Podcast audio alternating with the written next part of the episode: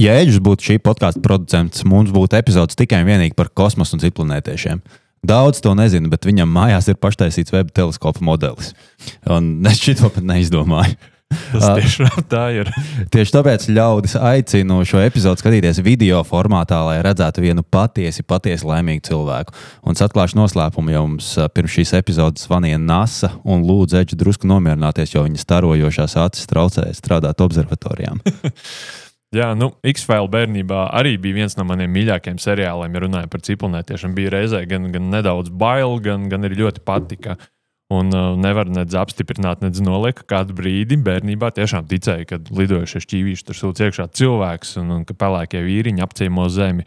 Nu, Jānis, piemēram, tam ticēja aizvien, jo kas gan gal galā uzcēla piramīdas un izbraukā viņa griķu laukus. Mani griķu lauki. Jā, nu, lūk, taču pavisam nopietni astrobioloģija ir vesela zinātnīs nozare, kas meklē dzīvības pēdas ārpus Zemes un arī atbildes uz jautājumiem vienlaicīgi, kā tad mēs šeit esam radušies. Un tāpēc pie mums studijā viesos ir Latvijas Universitātes astronomijas institūta pētnieks Ilgons Vilks. Sveiki! Labdien! Un Latvijas Universitātes bioloģijas fakultātes mikrobioloģijas un biotehnoloģijas katedras docents Jānis Liepiņš. Sveiki! Uh, labdien! Es domāju, ka mēs varam sākt uzreiz no uh, tās pamata premises šajā jautājumā. Ar lielo jautājumu. Ar lielo jautājumu. Vai jūs ticat citplanētiešiem? Es ticu citu planētu dzīvībai, ārpuszemes dzīvībai. Mm -hmm. Citplanētieši ir grūtāks jautājums.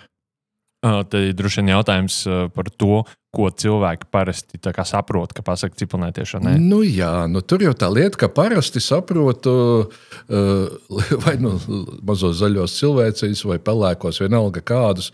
Un tas ir pat uh, pārsteigts. Nu, Labi, jā, saprotams, filmās vieglāk ir uztaisīt citu planētieti, kuram divas rokas, divas kājas, un tikai mm. tur galvu pamodificē. Jā, bet to noteikti arī Jānis zinās pastāstīt, ka, kāpēc. Es vienmēr to stāstu sāku tā, ka Reiz dzīvoja plakanie tārpi. Viņiem bija šī divpusējā simetrija, labā un kreisā puse. Nu, ne burtiski no viņiem, bet nu, no, no tāda tipa radījumiem mēs esam attīstījušies.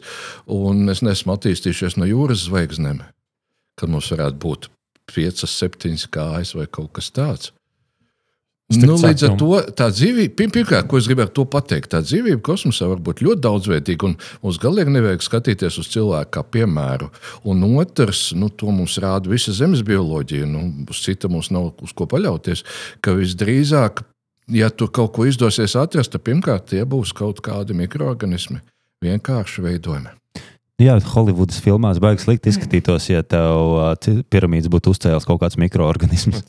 Sēne vienkārši atlido sēņot, kaut kāda micēlīs vienkārši nolaiž. Un... Labi. Uh, jā, nu, Jāni, kād, kāds, kāds jūsu skatījums uz šo? Um, kaut kādā mērā līdzīgs. Uh, uh, man šķiet, jā, ka kādreiz, teiksim, uh, tiešām agrīnā vecumā skatoties slepenos failus vai slepenās lietas, uh, man arī gribējās ticēt nu, cilvēku veidīgiem radījumiem, kas pie mums atbrauca, vai atbrauks, vai jau bijuši, vai tūlīt vēl būs. Bet aizvien vairāk iepazīstot dzīvo dabu, mm, tās gaidas samazinās. Aizvien samazinās, un, un realistiskāk varētu būt sagaidīt mikroorganismus vai um, nu, kaut ko tādu. Un, un jo vairāk tu uzzini par bioloģisko daudzveidību, jo vairāk saproti, ka aizbraucot kaut kur citur, tu iespējams pat ja tā lieta tur būs, un ja tā dzīvība tur būs, tu pat viņu neatpazīsi. Un tas ir visbiedējošākais. Hmm. Jā, traki patiesībā. Jo mums ir tikai mūsu kritērija. Jā. Uh, Kas ir uh, interesanti, kāpēc tad, uh, tad, tad popkultūra ir vainīga pie tā, ka mēs principā par ciprunētiešiem domājam tikai par, par šiem humanoīdiem, bet īstenībā mums vairāk vajadzētu skatīties mikroorganismu virzienā. Jo parasti īstenībā pat, uh, kad mēs plānojam šo epizodu, man arī bija bišķi bažas, nu mēs runāsim par ciprunētiešiem. Tur uzreiz ir tikai divas nometnes. Vai tad ir tādi, kas domā, ka mēs esam bijuši jūkuši, Un, nu, mēs runāsim par zaļiem cilvēkiem, taču skaidrs, ka tie neeksistē. Vai arī tie, kuriem stāv pie ASV pie zonas, pie viens un saka, lai viņiem parādītu tos ciprunētiešus, kas šeit, šeit sen jau atrodas. Nu. Um, nu, atkal, sāksim no tā, ko mēs pazīstam. Tad mēs varam uh, virzīties tajā virzienā līdz tai robežai, ko mēs vēl nepazīstam, un mazliet ielūkoties tajā pusē. Tad mēs uh, kādu laiku esam iepazinuši ar Zemes bioloģisko daudzveidību un zinām apmēram, kas ir raksturīgs dzīvībai uz Zemes. Mm. Un mēs arī esam iepazinušies gan ar ķīmiju, gan ar fiziku, ar tiem noteikumiem un nosacījumiem, kuru robežās atrodas dzīvība vai ir iespējama dzīvība. Tātad mēs esam pieraduši pie tā, ka dzīvībai ir nepieciešams ūdens, vēlams šķidrs, tāpēc ka dzīvības procesi notiek šķidrā ūdenī. Tas ir galvenais šķidrinātājs visai dzīvībai uz Zemes. Ir dažādas atrunas. Dzīvība var eksistēt arī 100 grādos un arī 120 grādos, kur teorētiski šķidrs ūdens nepastāv. Bet tādā gadījumā, ja jums ir ļoti koncentrēts sāls šķīdums, atkal viss safe. Jums ir šķidrs ūdens, augstā temperatūrā un lielā spiedienā. Tas ir tas, kas notiek dziļi zem ūdens, teiksim, tas, uh, smēķējušos kursteņu. Mm. Netālu no tiem, kur dzīvība patiesībā ir ārkārtīgi bieži sastopama, tur viss notiek. Tur ir vesels bio, uh, bioloģiskās daudzveidības tādi nu, puduri tieši ap smēķējušiem skursteņiem. Ko mēs vēl zinām par dzīvību? Tā uh, dzīvība rada dzīvību, tātad viņi vairojās un viņi spēja pielāgoties apstākļiem. Un ko mēs vēl zinām? Uh, ka uh, dzīvība ir vielmaiņa, tātad noteikti kaut kādas vielas tiks uzņemtas un kaut kas tiks izvadīts ārā. Un šeit sākās vairākas problēmas.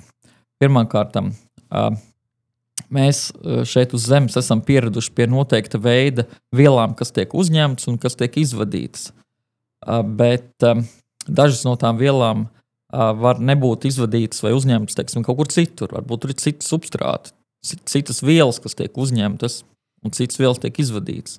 Varbūt citur var būt arī visi manis pieminētie procesi, bet tie var būt ārkārtīgi lēni. Un arī šeit uz Zemes mēs zinām, ka ir bioloģiskas sistēmas, kas dara visu to pašu, ko es teicu, bet to dara ārkārtīgi lēni. Kas uh, cilvēks, teiksim, vairojās ar ātrumu uh, reizi 20, 25 gados, teiksim, pieņemsim. Baktērijas to dara reizi pusstundā, augi to dara reizi uh, divās stundās, jauna šūna radās. Uh, ir sistēmas, tepat uz Zemes, kas vairojās reizi simts gados, un reizi tūkstošos gados, vai reizi desmit tūkstošos gados un nav nekur garantija, ka tas pats tādā pat veidā ar vēl lēnāku, uh, uh, lēnāku procesu nenotiek kaut kur citur. O, ņemot vērā visu to, ko mēs šobrīd zinām par dzīvību, tādu kā mēs to pazīstam uz Zemes, kur, kur Saules sistēmā tad varētu būt tās perspektīvākās vietas, kur meklēt šos ciprunētiešus mikrobus? nu, mūsdienās jau skatās uz to Marsu. Nu, pagājušā gadsimta vidū jau ar tādu nu, nopietnu runāja, nu, kādas tur augu sagas izmaiņas, ja, jo tur mainījās Marsa krāsa pa gada laikiem. Tas bija saistīts ar Mitram Polu cepuru apkaimē. Vēlāk, kad sākās kosmiskie pētījumi, saprata, ka tas Mars nemaz tik mīlīgs nav. Nu, pirmkārt, tur skābekļa ir nu, burtiski drupata atmosfērā, uguļskābās gāzes atmosfēra ļoti retināta. Tā kā mums 40 km augstumā, kur nevar lidmašīnas durvis vaļā vērt. Un, um, Tad vēl piedāvājam, tā augsnē ir, um, ne, to pat augstu nevar saukt uh, gruntī, ir uh, dažādas uh, vielas, kas, um, nu, tā kā diezgan grūti būt audzēt kartupeļus, kā to darīja filmā Marsietis. Bet tomēr, laikam, par Marsu vēl ceru un domā, jo nu, nav izslēgts. Tā kā Lūk, Jānis sacīja, ka šis sāļūdens kaut kur zem virsmas varētu būt um, saglabājies. Tas, kā agrāk tur ūdens ir bijis, tas tagad viss ir skaidrs. Un ir arī dažādi nogulumieži veidojušies tā ūdens klātbūtnē. Nu, tā bijusi uz Marsa tā pateicīgā vide, kurā teorētiski dzīvība varēja rasties vai no tikt ienest no ārpuses. Par to mums ir noteikti jāparunā. Uh, nu jā, vēl citas vietas Saules sistēmā. Varbūt lielākas cerības tagad liek uz tālākām vietām tieši tāpēc, ka nu, viņš ir mazāk izpētīts. Bet uh, šķidram ūdenim ir jābūt daudz vietu uz lielo planētu pavadoņiem. Mhm. Bet jā, pagaidām jāsaka, tā ir jābūt. Kaut arī ir diezgan skaidras liecības, ka tur ūdens tvaiki nāk laukā no plaisām Eiropas virsmā, un uz Encelāda šādi, jo Saturna pavadoņa Encelāda šādi geizeri darbojās, kā vajadzētu tam šķidriem ūdenim būt, un tas, ka tur tas to, mm, lielā planēta savu to pamadonu drusciņu mīca ar paisumiem uz Zemes, tas efekts nav liels, bet tur ir pietiekams, lai tos vidusdaļu sasildītu, un tur būtu tā okeāna kārtiņa, kas to zina, cik bieza, un tad virspusē ledus garoza. Mm. Cerības ir. Nu jā, bet uh, īstenībā ņemot vērā, cik grūti ir izpētīt jau mums daudz tuvākus uh, debesu ķermeņus, uh, vai vispār ir iespējams, ka mēs kādreiz tajā ledus garozē izgrauzīsimies cauri ar kaut kādu zondi, jo viņi jau var būt pat arī kilometriem biezi. Šausmīgi ilgi jāgaida. Uh, Pavisam drīz eh, startēs uz Eiropu kosmiskais saprāts Eiropa Clipper. Mm. Kurš pārlidos šo pavadoni daudzas reizes, nelielā augstumā, iegūs, eh, reģistrēs šos datus par to, kas no tā ledus plūst ārā. Bet pagaidām vēl nav ieplānots, ka leidīsies lejā un urpsies. Līdz tam vēl mm. jāgaida gadu desmiti. Kaut arī šausmīgi gribās. Mums varbūt vienkārši vajag pateikt, ka tur apakšā ir asari, un tad mūsu zemlētas makšķernieki izdarīs visu darbu uzreiz. Jo nu, varbūt, ka tā kā sūtīja savulaik zemi glābt uh, naftinieku komandu, tad jāsūta ir zemlētas mm -hmm. makšķernieks. Viņi izurps. Mēs ik pa brīdim pieskaramies popkultūrai un filmām. Uh, mēs jau esam jau X-failiem pieskārušies, mēs esam pieskārušies jau Marsietim, kas kartupeļu audzē. Kas ir uh, varbūt kaut kādas realistiskākās filmas vai seriāli, kurus jūs esat šajā sakarā skatījušies? Atcerieties! Nu, Lūk, ar šo jautājumu kā reiz man ir problēma. Pastāstīšu, kāpēc. Uh, ir milzīgs daudz filmu par, par citplanētiešiem, visādos veidos. Atbrauc draudzīgi, nedraudzīgi, iekarot griboši, uh, nezināmi, uh, nolaupt cilvēkus un tam līdzīgi. Tas, manuprāt, nav interesanti. Tāpēc, ka uh, nu, ne, nu, Okay, tas ir interesanti. Piemēram, IT man ļoti patīkās. Ja, 1900 ne, vai 85. gada tā filma bija. Tā šķiet tāda realistiska. Ja? tā nešķiet realistiska, bet tā bija aizraujoša. Tāpēc, tas draudzīgs, ir ļoti draudzīgs citplanētietis. Bet uh, es gribētu ieraudzīt kādu popkultūras uh, uh, fantāziju vai, vai, vai, vai refleksiju par tieši šiem realistiskiem piemēriem, šiem mikroorganismiem un, un tādām lietām. Uh, ka tu aizbrauc uz vietu, un tur it kā nekā nav, bet faktiski tur kaut kas parādītos, un, un, un kaut ko tādu es neesmu saticis. Kaut kas, manuprāt, līdzīgs varētu būt um, uh, Interstellar, tā pēdējā planēta, kur it kā bija dzīvotnei, dzīvošanai draudzīga. Nu, varbūt tās, ka tur arī bija mikroorganismi. Jo man liekas, ka pēdējā ainā uh, tā sieviete, kas apglabāja kapteini Raimondu, to darīja bez skafandra, tātad tur bija arī skābeklis. Kādiem iemeslu mm -hmm. dēļ, piemēram. Cits variants vai cits piemērs - Solaris, kas it kā nav par dzīvību, bet tomēr tur ir šis milzīgais okeāns, kur ir grūti pētīt, jo tas ir kaut kas pilnīgi nesaprotams. Un vienalga cilvēki to pēta, un vairākus gadus tur tā stacija un, un pētījumi notiek. Uh, sapratnes nav, bet kaut kāda interakcija notiek ar nezināmo, kas ir pilnīgi savādāks nekā mēs esam iedomājušies. Nu, varbūt šīs divi, šie divi piemēri. Es speciāli pavaicāju Bingčatam, jo mana galva bija par īsu, lai saprastu. Un viņš arī man iedeva ļoti īsu filmu sarakstu, kur es tieši prasīju, kur mikrobu formā dzīvība sastopama ārpus Zemes, kādās filmās. Nu, ir viens tas seriāls par Marsa kolonizēšanu, ko National Geographic taisīja pirms gadiem. 2016. un tur ir tā, ka vienā brīdī viņi 2030. kurā gadā atrod to mikrobu dzīvību uz Marsa. Uh, Tad vēl ir tādi varianti, bijuši bija tāda filma Life, kur starptautiskā kosmosa stacijā atrod kaut ko mazu, dzīvu, un kas sāk strauji vairoties. Nu, jautājums, vai stacijā var strauji vairoties, jo tomēr tās organiskās vielas, tā organiskā ķīmija, laikam, diezgan universāli būtu vajadzīgas. Tur vairāk ir metāls un plasmas. Nē, var tomēr. Ja? Jā, jā, jā, man par to ir teikt, nu, vismaz divi teikumi, ko pateikt. jā, nu, un tad. Um, Nu, kaut kur uh, tālākā pagātnē, kaut ko var sameklēt. Um, bija tāda ar to pašu Davidu Duhovniju no X-Filiem filma Evolution, kur nokrita meteorīts, un tad tur tajā. Tur, un turpat tie organismi, kas tur uh, tika atnesti uz Zemi, strauji evolucionēja dažu dienu laikā. Bet uh, saraksts ir ļoti īsiņš. Jā. Jā. Jā. Saraksts ir gauži īsts. Turpretī, piemēram, ja jūs ierakstījat tādu pašu meklētāju par uh, nukleāru uh, katastrofiju vai, vai, vai nukleāru bombu, tur jums būs desmitiem, simtiem filmu dažādos veidos. Šis saraksts ir. Man bija piebilde par uh, mikroorganismiem starptautiskajā stacijā.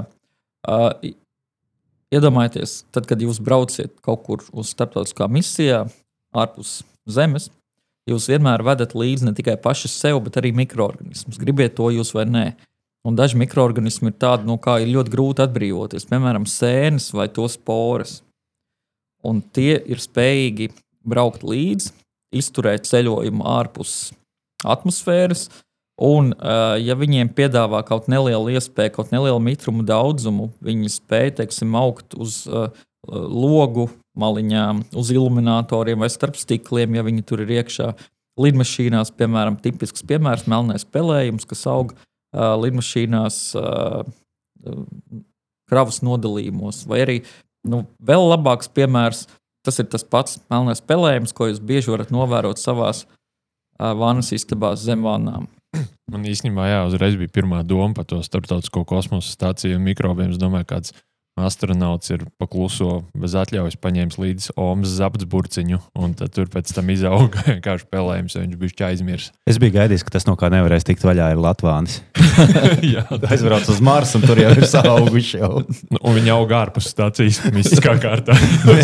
Cit, tas ir būtisks jautājums, kā neievazāt citur to, to ko nevajag. Jā, nu, nu jā, sterilizē jau tos aparātus, kurus laiž tād, tādos misijās, kas nolaižās uz planētām, uz pavadoņiem. Bet nu, Tas gan ir pasaules piemērs no 20. gadsimta 60. gadiem, kad viena amerikāņu zonde tur nolaidās, pavadīja pāris uh, gadus. Un tad blakus nolaidās uh, cilvēki, aizgāja, noskrūvēja televīzijas kameru, atveda zemi, un tur iekšienē pēc tam atrada, saskarbināja paraugus, kurus ieliekot barotnē, atdzīvojas kādi mikroorganismi. Jā, tā kā tie... Uz mēnesi tā tad jau kaut kas ir.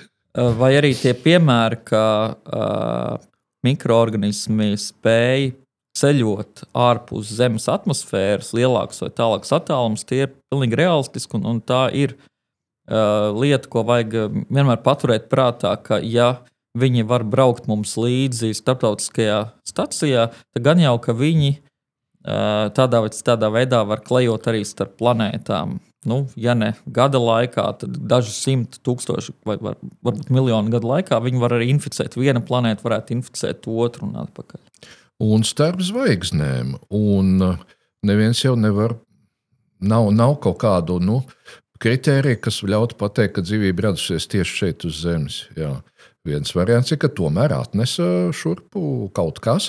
Ir starpzvaigžņu komēts, kas lido pāris mūsu ir apciemojuši. Nu, pēdējā laikā, pa ko zinām, uh, kas principā savā iekšienē, kur tur ir viņi labāk pasargāti no kosmiskā starojuma, tas ledus slāņos uh, var izdzīvot. Nu, protams, sporu vai nu, kādu, nu, kādā nu, latentā veidā.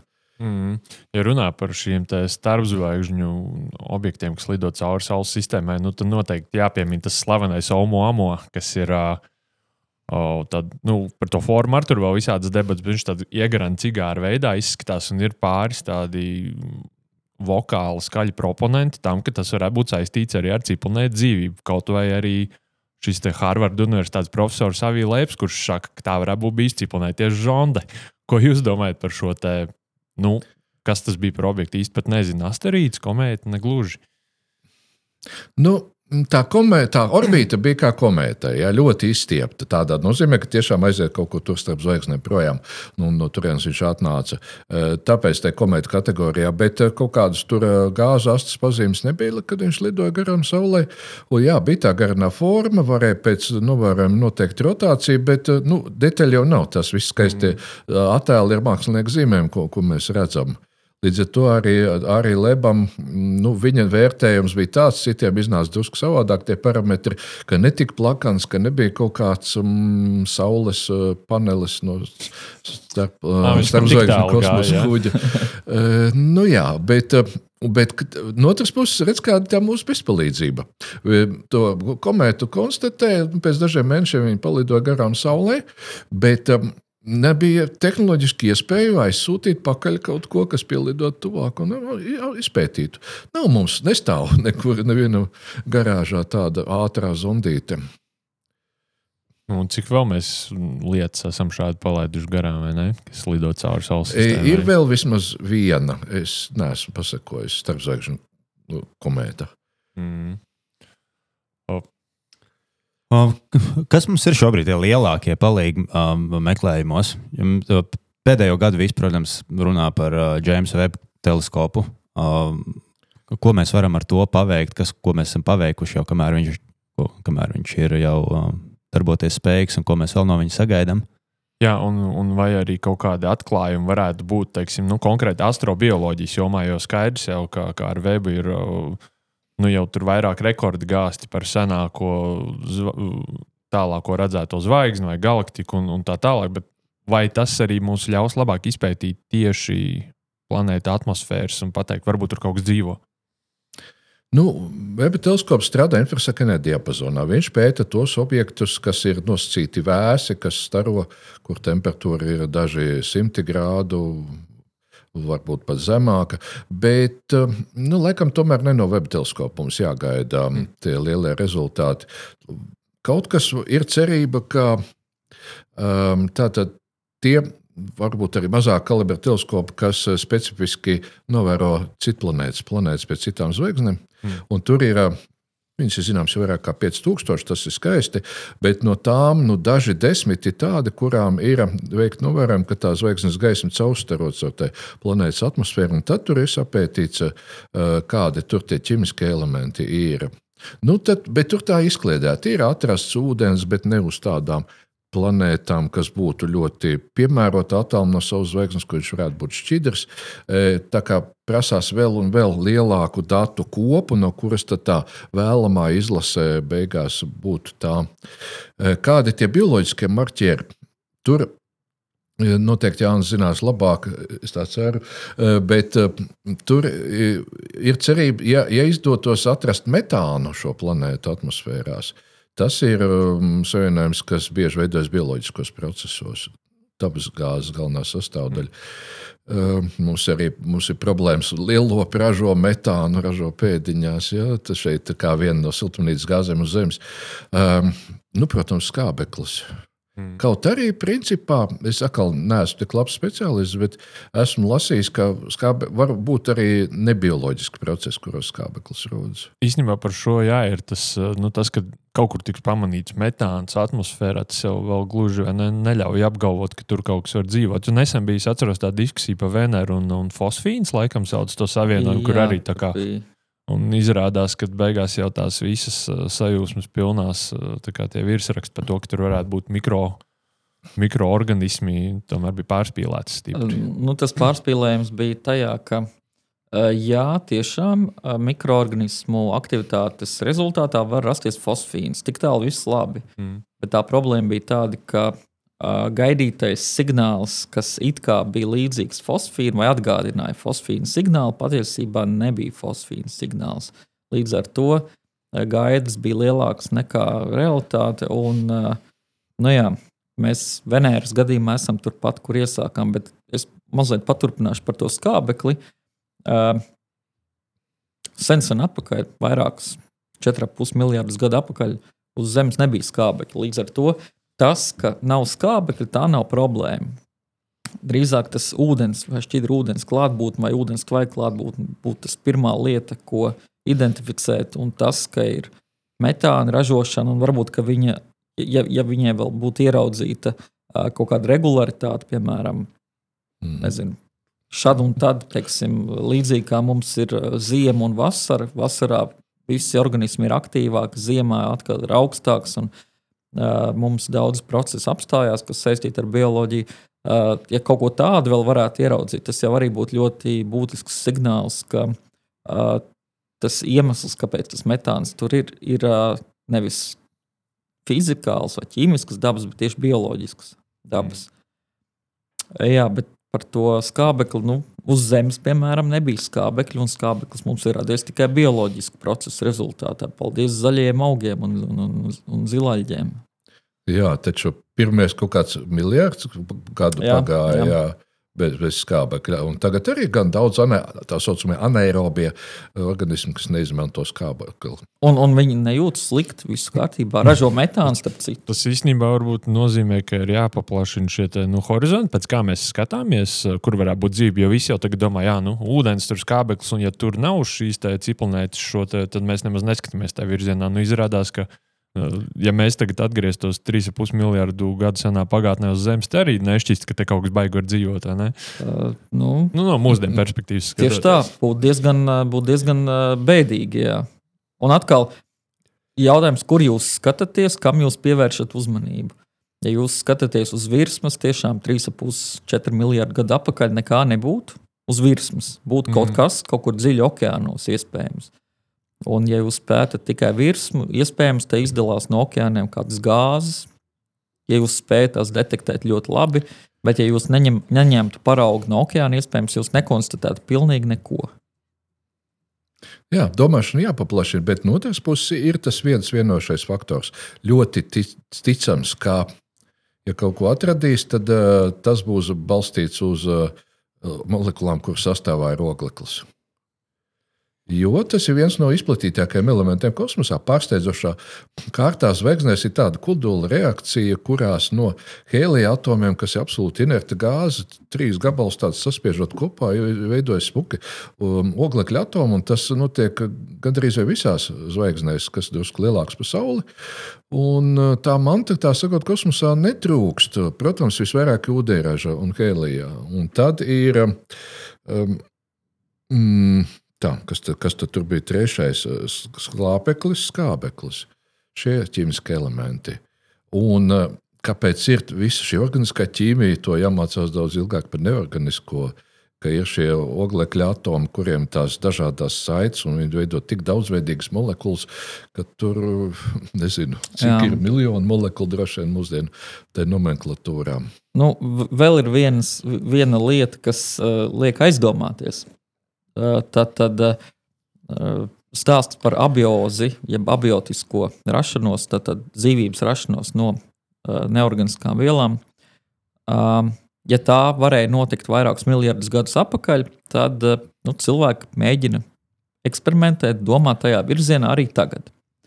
Un uh, ir šie te, uh, eksperimenti, kuros tu saliec kopā ūdeni, uh, ūdeņradi, amoniju, uh, tā, ko es aizmirsu, metānu. Ogliskābo gāzi. Ogliskābo gāzi jā. Mm -hmm. Un uh, sildi pievieno vēl varbūt elektrisko dzirksteli un vairākas reizes atkārto šo te ciklu. Sildīt, dzirkstele, uh, dzēsēšana, sildīt, dzirkstele, dzēsēšana, teiksim, nedēļu. Un pēc nedēļas tas ir uh, šis te urija eksperiments, un tu dabū diezgan daudz organiskas vielas ārā. Un tur nav bijuši ne, organis, eh, ne organismi klāt, nekas cits. Tur vienkārši šī eh, neorganiska sistēma, kurā tu nemitīgi pievadi enerģiju, un kas savā, eh, savā iekšienē, reaģējot vienām vielām, kuras rod, rada nākamās, kuras pēc tam tās nākamās rada nākamās, jau lēnām rada vielu grupas, kuras pēc tam teorētiski varētu radīt arī bioloģisko organismu pamata elementus, kā pamata būvblokus. Vēl dažas nedēļas vēlāk, jau hops Latvijas atkal. tur, tas jautājums par to hops, tas hops nav, nav bijis. Jā, pat aminoskābes rodās, jā. un arī tādas, kuras dzīvā dabā izmanto. Jā, bet nu, kaut kādas sarežģītākas ķēdītas, jo kalbaltuvielas nu, pašas tā nesabūvējās.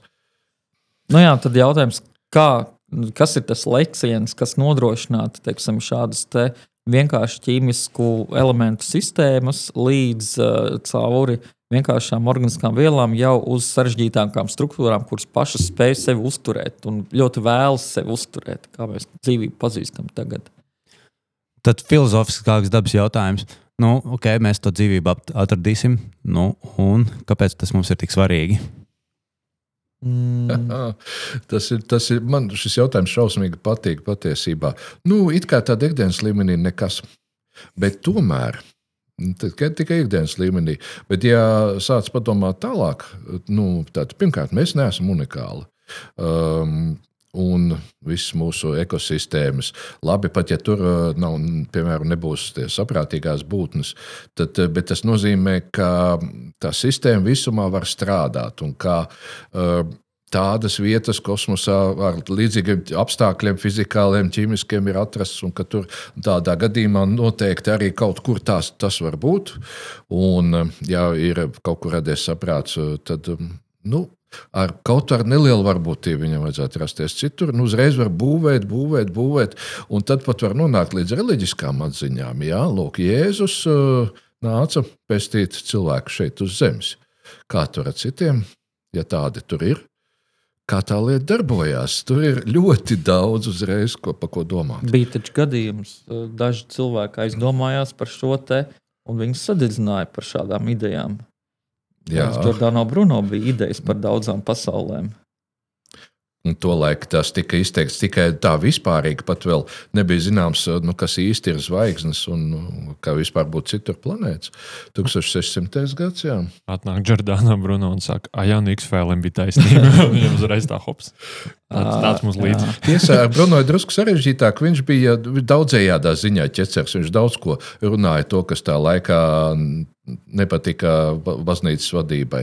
Tā kā tā viņa tiesāja un sadedzināja. Bet eh, cita starpā bija arī tas par tām daudzām pasaulēm, citām Ā, saulēm, zemēm. Man liekas, ka jā, ja mēs atrastu ā, funkcionējošu tad, tad, ā, dzīvību kaut kur ārpus Zemes, nu, tur parādās arī daudz bioloģisku fundamentālu jautājumu. Pirmais, vai tas ir tas pats? Vai mēs atradīsim tādu pašu dzīvību kā mēs? Tas nozīmē, ka vai nu mēs esam viņa radinieki, vai nu viens un tas pats var rasties dažādās vietās. Pēc vieniem tiem pašiem principiem, tāpēc, ka principi ir vienādi, fizikālie un ķīmiskie apstākļi vienādi.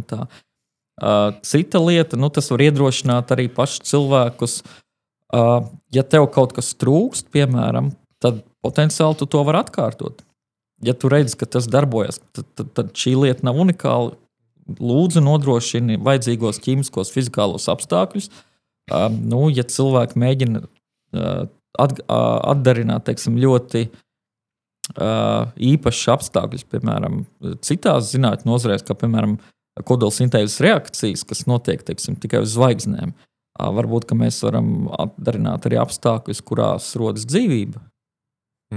Bet, ja nu izrādītos beigās, ka tie procesi varbūt ir pavisam citādāki, būtu beigās problēmas, jo ne visas mācību grāmatas būtu jāpāraksta un visi fundamenti.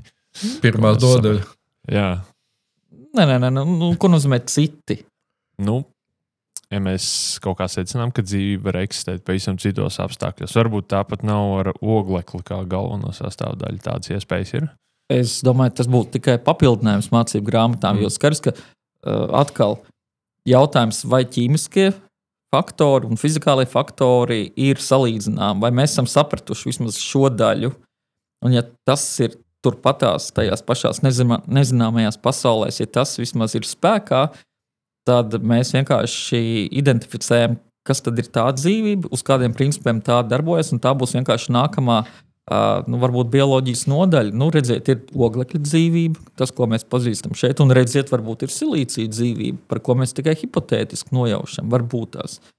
Un es gribētu piebilst, arī atgriežoties pie vienas domas, kas izskanēja sākumā, eh, cik tad viņi varētu būt mums līdzīgi. Kaut kādā mērā, jā.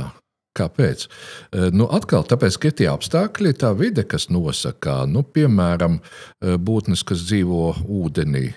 Nu, varam uzskaitīt, um, nu, del, eh, tātad delfīns, zīdītājs, eh, pingvīns, eh, putns, um, kas vēl zivis dažādas, nu, haizivs, piemēram, zivs. Pavisam dažādas evolucionārās grupas, bet viņiem visiem ir līdzīga ķermeņa forma, viņi pielāgojušies dzīvē tajā vidē. Nu, protams, arī vajadzīgs ir skābekļa ap, apmaiņa, eh, nu, labi, vai aiz, elpas aizturēšana.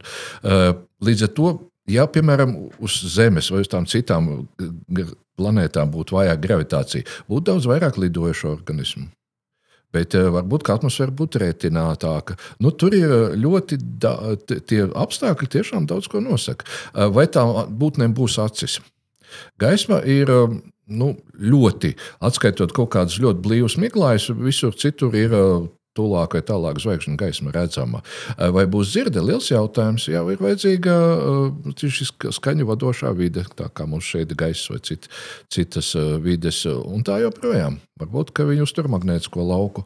Mums uz Zemes tādi pamatā ir tikai pūtni. Un tā joprojām. Ļoti interesants jautājumu lokus. Bet tad tie, kuri sapņo, ka mēs kādreiz atradīsim ķirzaku ar lāzeru pistoli, kā filmās, tad uh, patiesībā viņi pilnībā izslēgts tas scenārijs nav. Jā, ja, ja izdosies uz Marsa atrast mikroorganismus, uzreiz pieaugs varbūtība atrast šo ķirzaku. Varbūt situācija, ka mēs jau esam atraduši uh, dzīvību, vienkārši neesam to atpazinuši. Jā, vai mēs esam atraduši? Nu, saprotiet, ja mēs neesam atpazinuši, tad neesam atraduši. Nu, jā. nu, tā doma, jā, skatāmies virsū, bet nezinām, ka tā īstenībā ir tā, tā cita veida dzīves es, forma, ko mēs meklējam. Uh, ja mēs skatāmies un mēs redzam akmeni, tad priekš mums tas ir akmens. Un, ja viņš mūsu kaut kādā laika skalā un, un mūsu pieejamo instrumentu uh, saprašanā neveidot vai neaizpilda tās, ailītes, pēc kurām mēs atpazīstam dzīvību, tad nu, mēs to neuzskatīsim par dzīvību. Tāpēc atkal ir vesela institūta, kas nodarbojas ar uh, hipotētiskas dzīvības uh, kritēriju identificēšanu un pierādīšanu, ka tas varētu vismaz teorētiski strādāt, kuri nu, aizbraucot kaut kur citur, meklē, meklētu dzīvību pēc nevis zināmiem uh, bioķīmiskiem marķieriem, bet meklētu kaut kādas cita veida uh, vai nu loģikas, vai matemātikas, vai kaut kādus citus novērojumu kopu meklēt, kas principā pēc kuras varētu atzīt gan to vairošanos, gan vielmaiņu ar vidi, gan evolūciju. Tā kā, ja mēs neatpazīstam kādu lietu, tas nenozīmē, ka tā nav dzīvība, bet nu, pagaidām ir tā, kā ir. Jānis pieminēja to ķirzaku ar lazeru pistoli. Man uzreiz arī ir jautājums, nu, kur viņi ir. Jā, kur viņi ir? Pirmkārt, jā, tas būtu labi, tu atbildēji, bet o, nu, liela daļa no šo dzīvības meklējumu ārpus zemes saistās nevis tiešām tur ieraugam kaut kādu mikrobu vai kaut kādu atstātu pēdas atstātas, bet sūtām signālus. Un, un tad, jau, protams, tas arī implicē, ka pretī jābūt inteliģentām būtnēm, kas viņas spēj uztvert, interpretēt un varbūt mums kaut kā atbildēt. Bet kas ir interesanti, bija šķiet, tas pats Hawkins, bija tas, kurš teica, ka mums vajag, nevajadzētu baigi aizrauties uz to signālu sūtīšanu. Jo, ja nu kāds viņus tiešām uztver, un ja viņš atbrauc līdz Zemē, tas nozīmē, ka viņam jau ir par kārtu advancētākas tehnoloģijas, ja viņš var pie mums atbraukt. Nu, tad tur var beigās sanākt tā situācija, ka mēs esam tie Dienvidamerikas indiāņi, un viņi ir kolonizatori, kas nav jā, ja, ja nu mēs nesadraudzējamies. Ja? Jā, nu, tā kā vai šāds scenārijs arī pastāv, ka pie mums tiešām kāds varētu arī atbraukt. Nu, neiz, neapšaubām pastāv. Un šīs lietas ir eh, apspriestas, ka tieši tā šis kultūru sadursme novestu. Tad, jā, tā būtu tā būt augstāka kultūra civilizācija, novestu Drīzāk lielā vairumā gadījumu sliktām sekām. Ļoti mazā gadījumā, skait, skaitā gadījumu varētu cerēt, ka viņi brālīgi dalīsies savām tehnoloģijām. Ir izteikti tāda ideja, ka vispār simbioze, jeb šī sadarbība ir labāks organismu miedarbības veids nekā parazitēšana, bet nu, kas to zina? Vai tas ir tik, tik universāls princips, ka darbojas visā visumā? Un Tā kā jā, var gadīties, ka mēs no viņiem cietīsim. Un es esmu vēl vienu tādu domu izdomājis. Redz, ka Zemē ir diezgan unikāla to, kā viņi savulaik veidojas, ka viņā tāds liels Marsa lieluma objekts ietriecās. Tas laikam tagad diezgan skaidrs ir.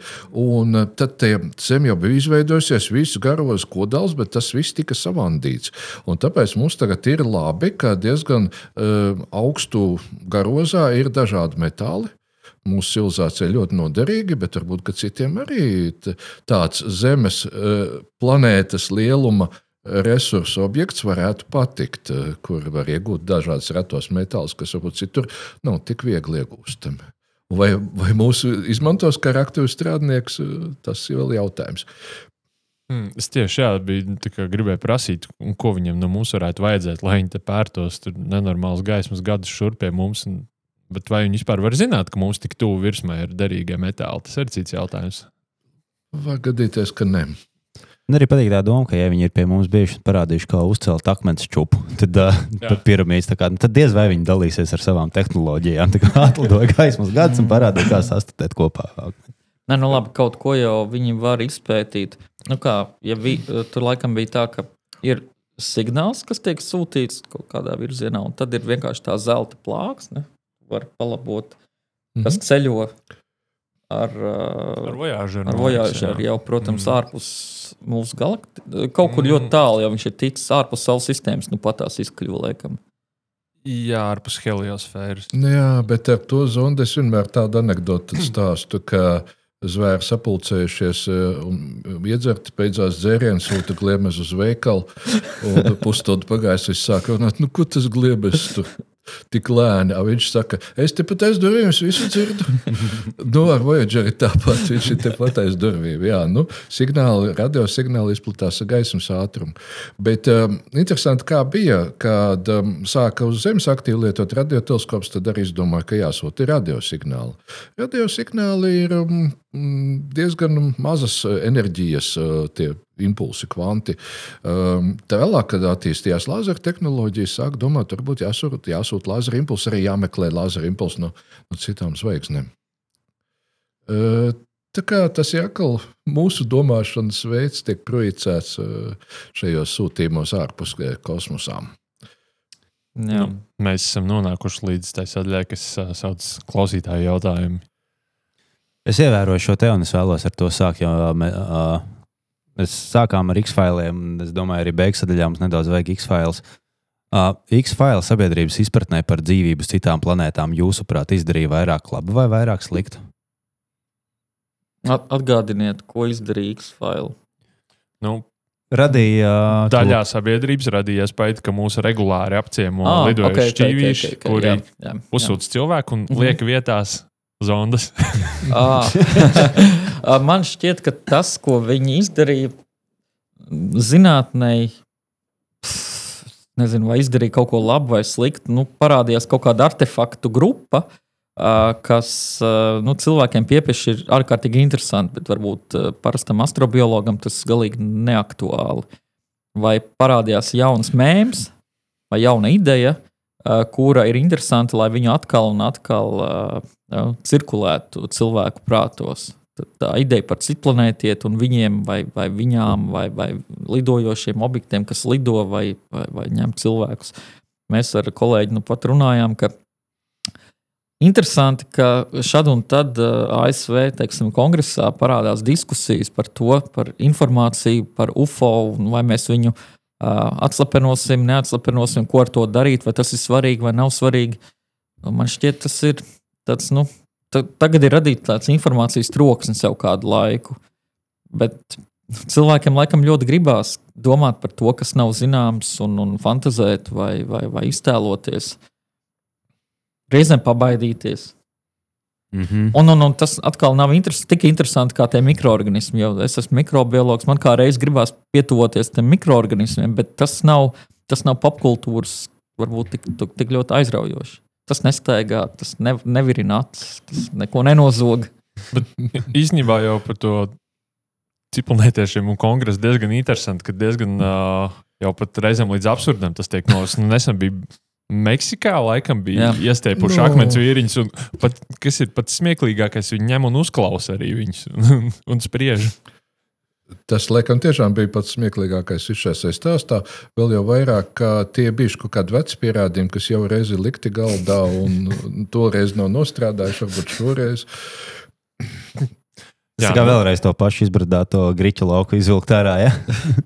Nu, lūk, ja, ja runājam par uh, zemes apciemošanu, nu, nu, kas liedz parasti mums cilvēkiem doties tālu ārā, tie ir šie te milzīgie attālumi un tehnoloģijas, kas mūs ierobežo. Bet ja klausītājs grib zināt, vai cipelnētiešiem varētu būt citi fizikas likumi, kas ļauj ceļot ātrāk par gaismu. O, tā, mums jau arī gribētos, ka mēs zinātu tādus likumus. Ir jau visādas idejas. um, pat uh, Einsteina teorijas ietvaros, kā tādā noslēgtā burbulī, varbūt varētu lidot ātrāk uh, pa gaismu. Uh, bet um, vēl ir tā ārpējas, protams, mm -hmm. hipotētiskās, bet slavenās, uh, kuras varētu būt tā kā tādi īsceļi, kas savieno dažādas kosmosa nostūrus. Viņa pastāvēšanai gan ir vajadzīga eksotiska fizika, tieši tā, tie citi fizikas likumi. Kas to lai zina? Nē, nē, noteikti nav fizikā pēdējais Einsteins nav teicis pēdējo vārdu, un Ar, kvantu fiziķi. Tārpējiem varētu būt. Kā, tur zini, kurā galā tā otra puse tevi izvadīs, vai tas varētu būt baigi. Baigi tā kā risks liels. Jā, uh, uh, tagad tā nepateikšu, bet domāju, ka drīzāk ka ne. Jā, tu, tu ej iekšā, gribi uz citu zvaigžņu sistēmu aizceļot, atopies tur Čeļābinskā, piemēram. nu, jā, es ļoti mīlu, ka, ka, ka tomā būs nākošā. Uh, par TikTok sensāciju un vispār sociālo tīklu sensāciju kļuva web teleskopa atklājums, uh, kā 2,18b planētai kaut kas tika atklāts. Kādu planētu? Kā 2,18b. Eģis noprecizēs. Es taču nezinu visus pēc es, numuriem. Jā, tev vajadzēja vienkārši bišķīt papētīt. Tūlītās es uzdot klausītāju iesūtīt. Jā, jā, jā. jā. Atvērts, nu, kas, principā... kas nesen atklāts? Jā, ne, tur neko... bija. À, tur bija dimetilsulfīds. Tieši tā, tieši jā. tā par to ir runa. Jep, jep, jep. Nu, jā, interesanti, bet es nezināšu komentēt. Jā. Es, to, ko es lasīju, ka, ka, ka tas varētu būt nozīmīgi, bet vēl ir jāturpina kādu gadiņu to planētu novērot, lai apstiprinātu.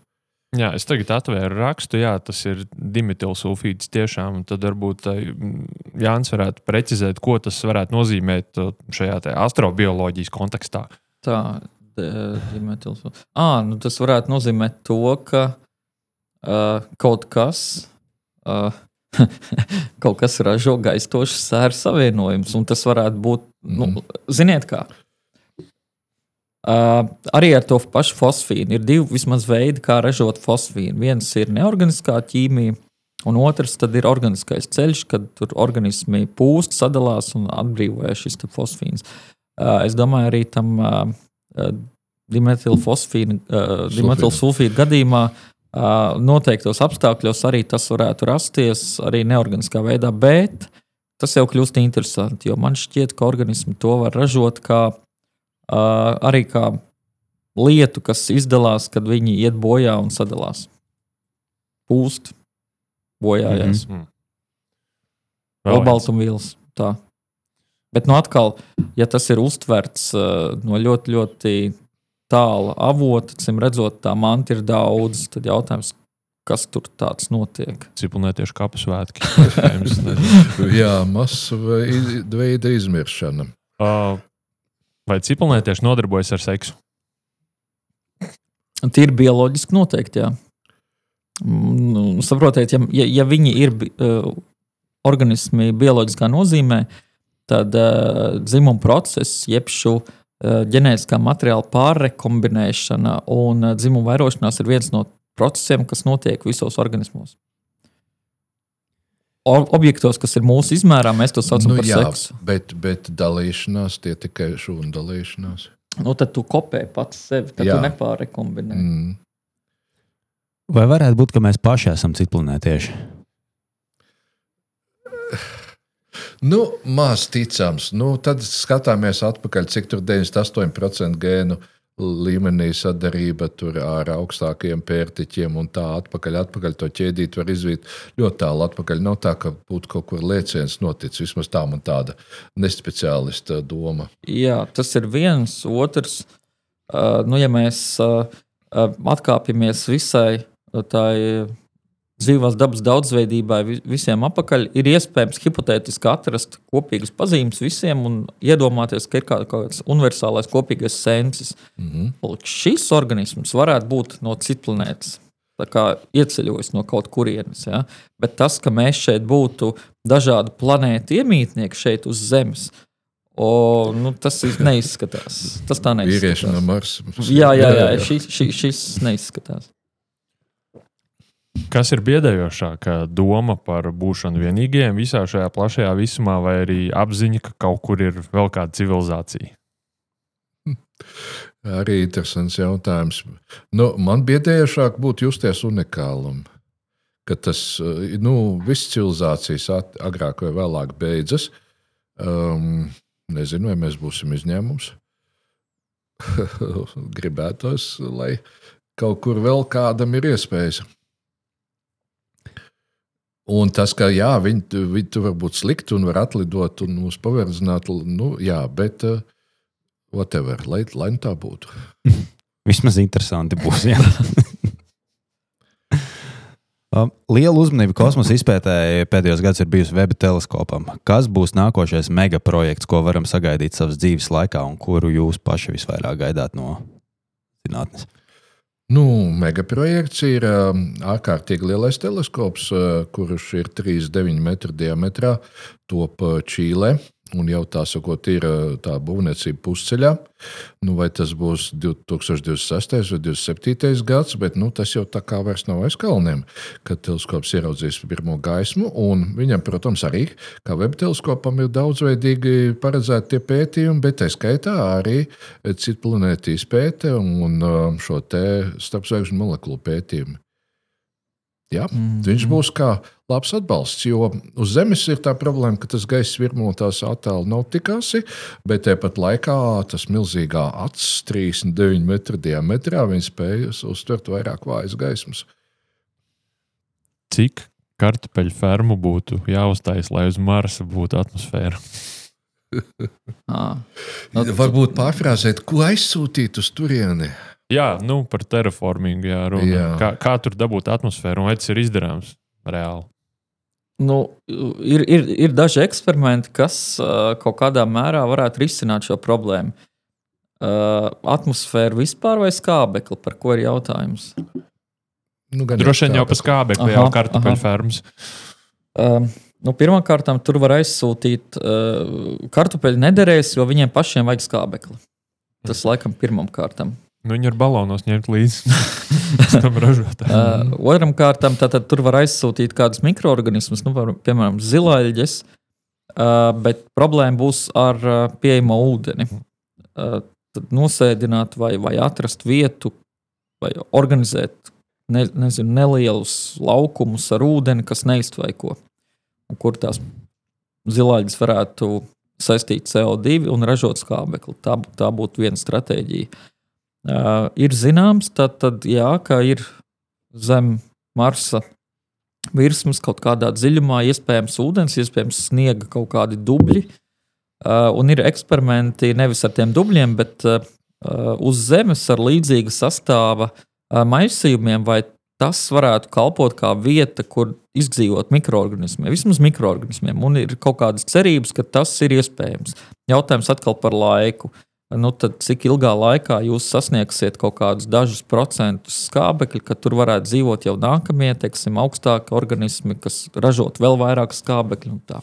Ir runājot par laiku, nu, tīri tāds tā kā, minējums, prognoze, bet vai jūsuprāt, tuvāko teiksim, 50 gadu laikā mēs atradīsim dzīvības pēdas pazīmes ārpus Zemes?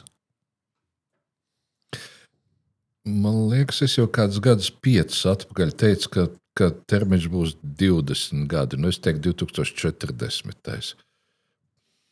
Labi. Tas tā, lai es to vēl varētu pats piedzīvot. Uh, es ceru, jā, nu, kaut kādas droši ticamas pazīmes, nu, piemēram, tajā pašā Marsa augstnē, ka tur ir kaut kādi droši ticami marķieri. Pazīmes, ka, ka te ir vai nu eksistē, vai nu kaut kas ir bijis. Jā. Mm. Kas ir līdz šim viens jūsu plā- jūsuprāt leģitīmākais pierādījums tam, ka dzīvība uz citām planētām eksistē?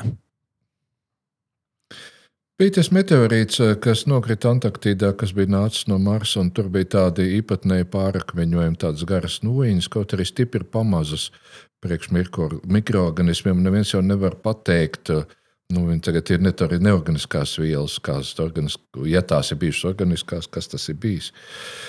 Man šķiet, ka tas, nezinu. Cik bieži jums, kā speciālistiem, vaicā, vai jūs ticat cipelnētiešiem? Mēs noteikti neesam pirmie.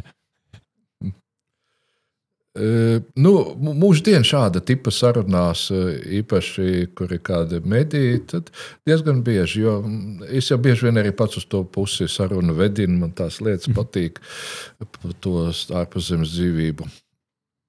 Drusku esmu lasījis, neesmu speciālists pāris astrobioloģijas grāmatas, esmu izlasījis tas arī viss. Um, vai varētu būt, ka viņi jau ir šeit, tikai dzīvo citā dimensijā, un mēs tos neredzam? Vicinās ar rokām mums te blakā mēģina sazināties, bet nekā. Man ir tāds. Tas nav zinātnisks viedoklis. Ši, šitas ir aiz komata vai aiz daudz punktiem. Šis nav zinātnisks viedoklis. Šis nav mans eksperta viedoklis. Šis ir mans personīgais cilvēku viedoklis. Uh, un, un kāpēc gan ne? Bet jautājums, jā, ja viņi ir kaut kādā citā dimensijā, un, ja ta, un jautājums atkal, vai tas fiziski ir tehniski ir iespējams šādas paralēlās dimensijas ārpus trim laiku, trim telpas un viena laika? Tas jautājums ilgonim, mm. vai tas tehniski vispār ir iespējams? Nu, ir viena ļoti eksotiskā kvantifizikas interpretācija, tās Evereta daudzpusēļu teorijas, kad nu, mikropasaulē nepārtraukti notiek visādi miedarbības procesi, ka katrā no tiem notiek pasaules dalīšanās, dalīšanās, dalīšanās, tikai tās pasaules nevar savstarpēji miedarboties. Nu, tā kā paralēli. Ja, tur aiz durvīm ir un tur jā, arī būs. Jā, jā.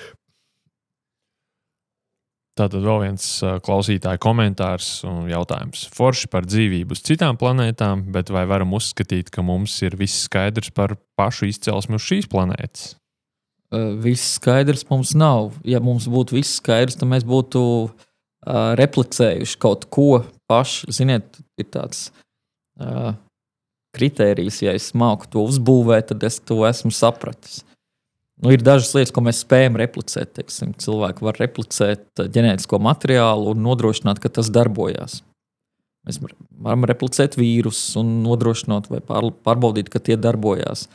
Mēs varam replicēt uh, jā, nu, lielāks un mazāks šūnu. Tas nozīmē, ka salikt no atsevišķām molekulām. Uh, jā, jā, jā, jā. jaunu vīrusu, mm -hmm. jā, jā, jā. un tas vīrus spēja vairoties jau -hmm. patstāvīgi pēc tam. Nu, ne patstāvīgi, nu, šūnās, tad šūnas mm -hmm. viņi ražos.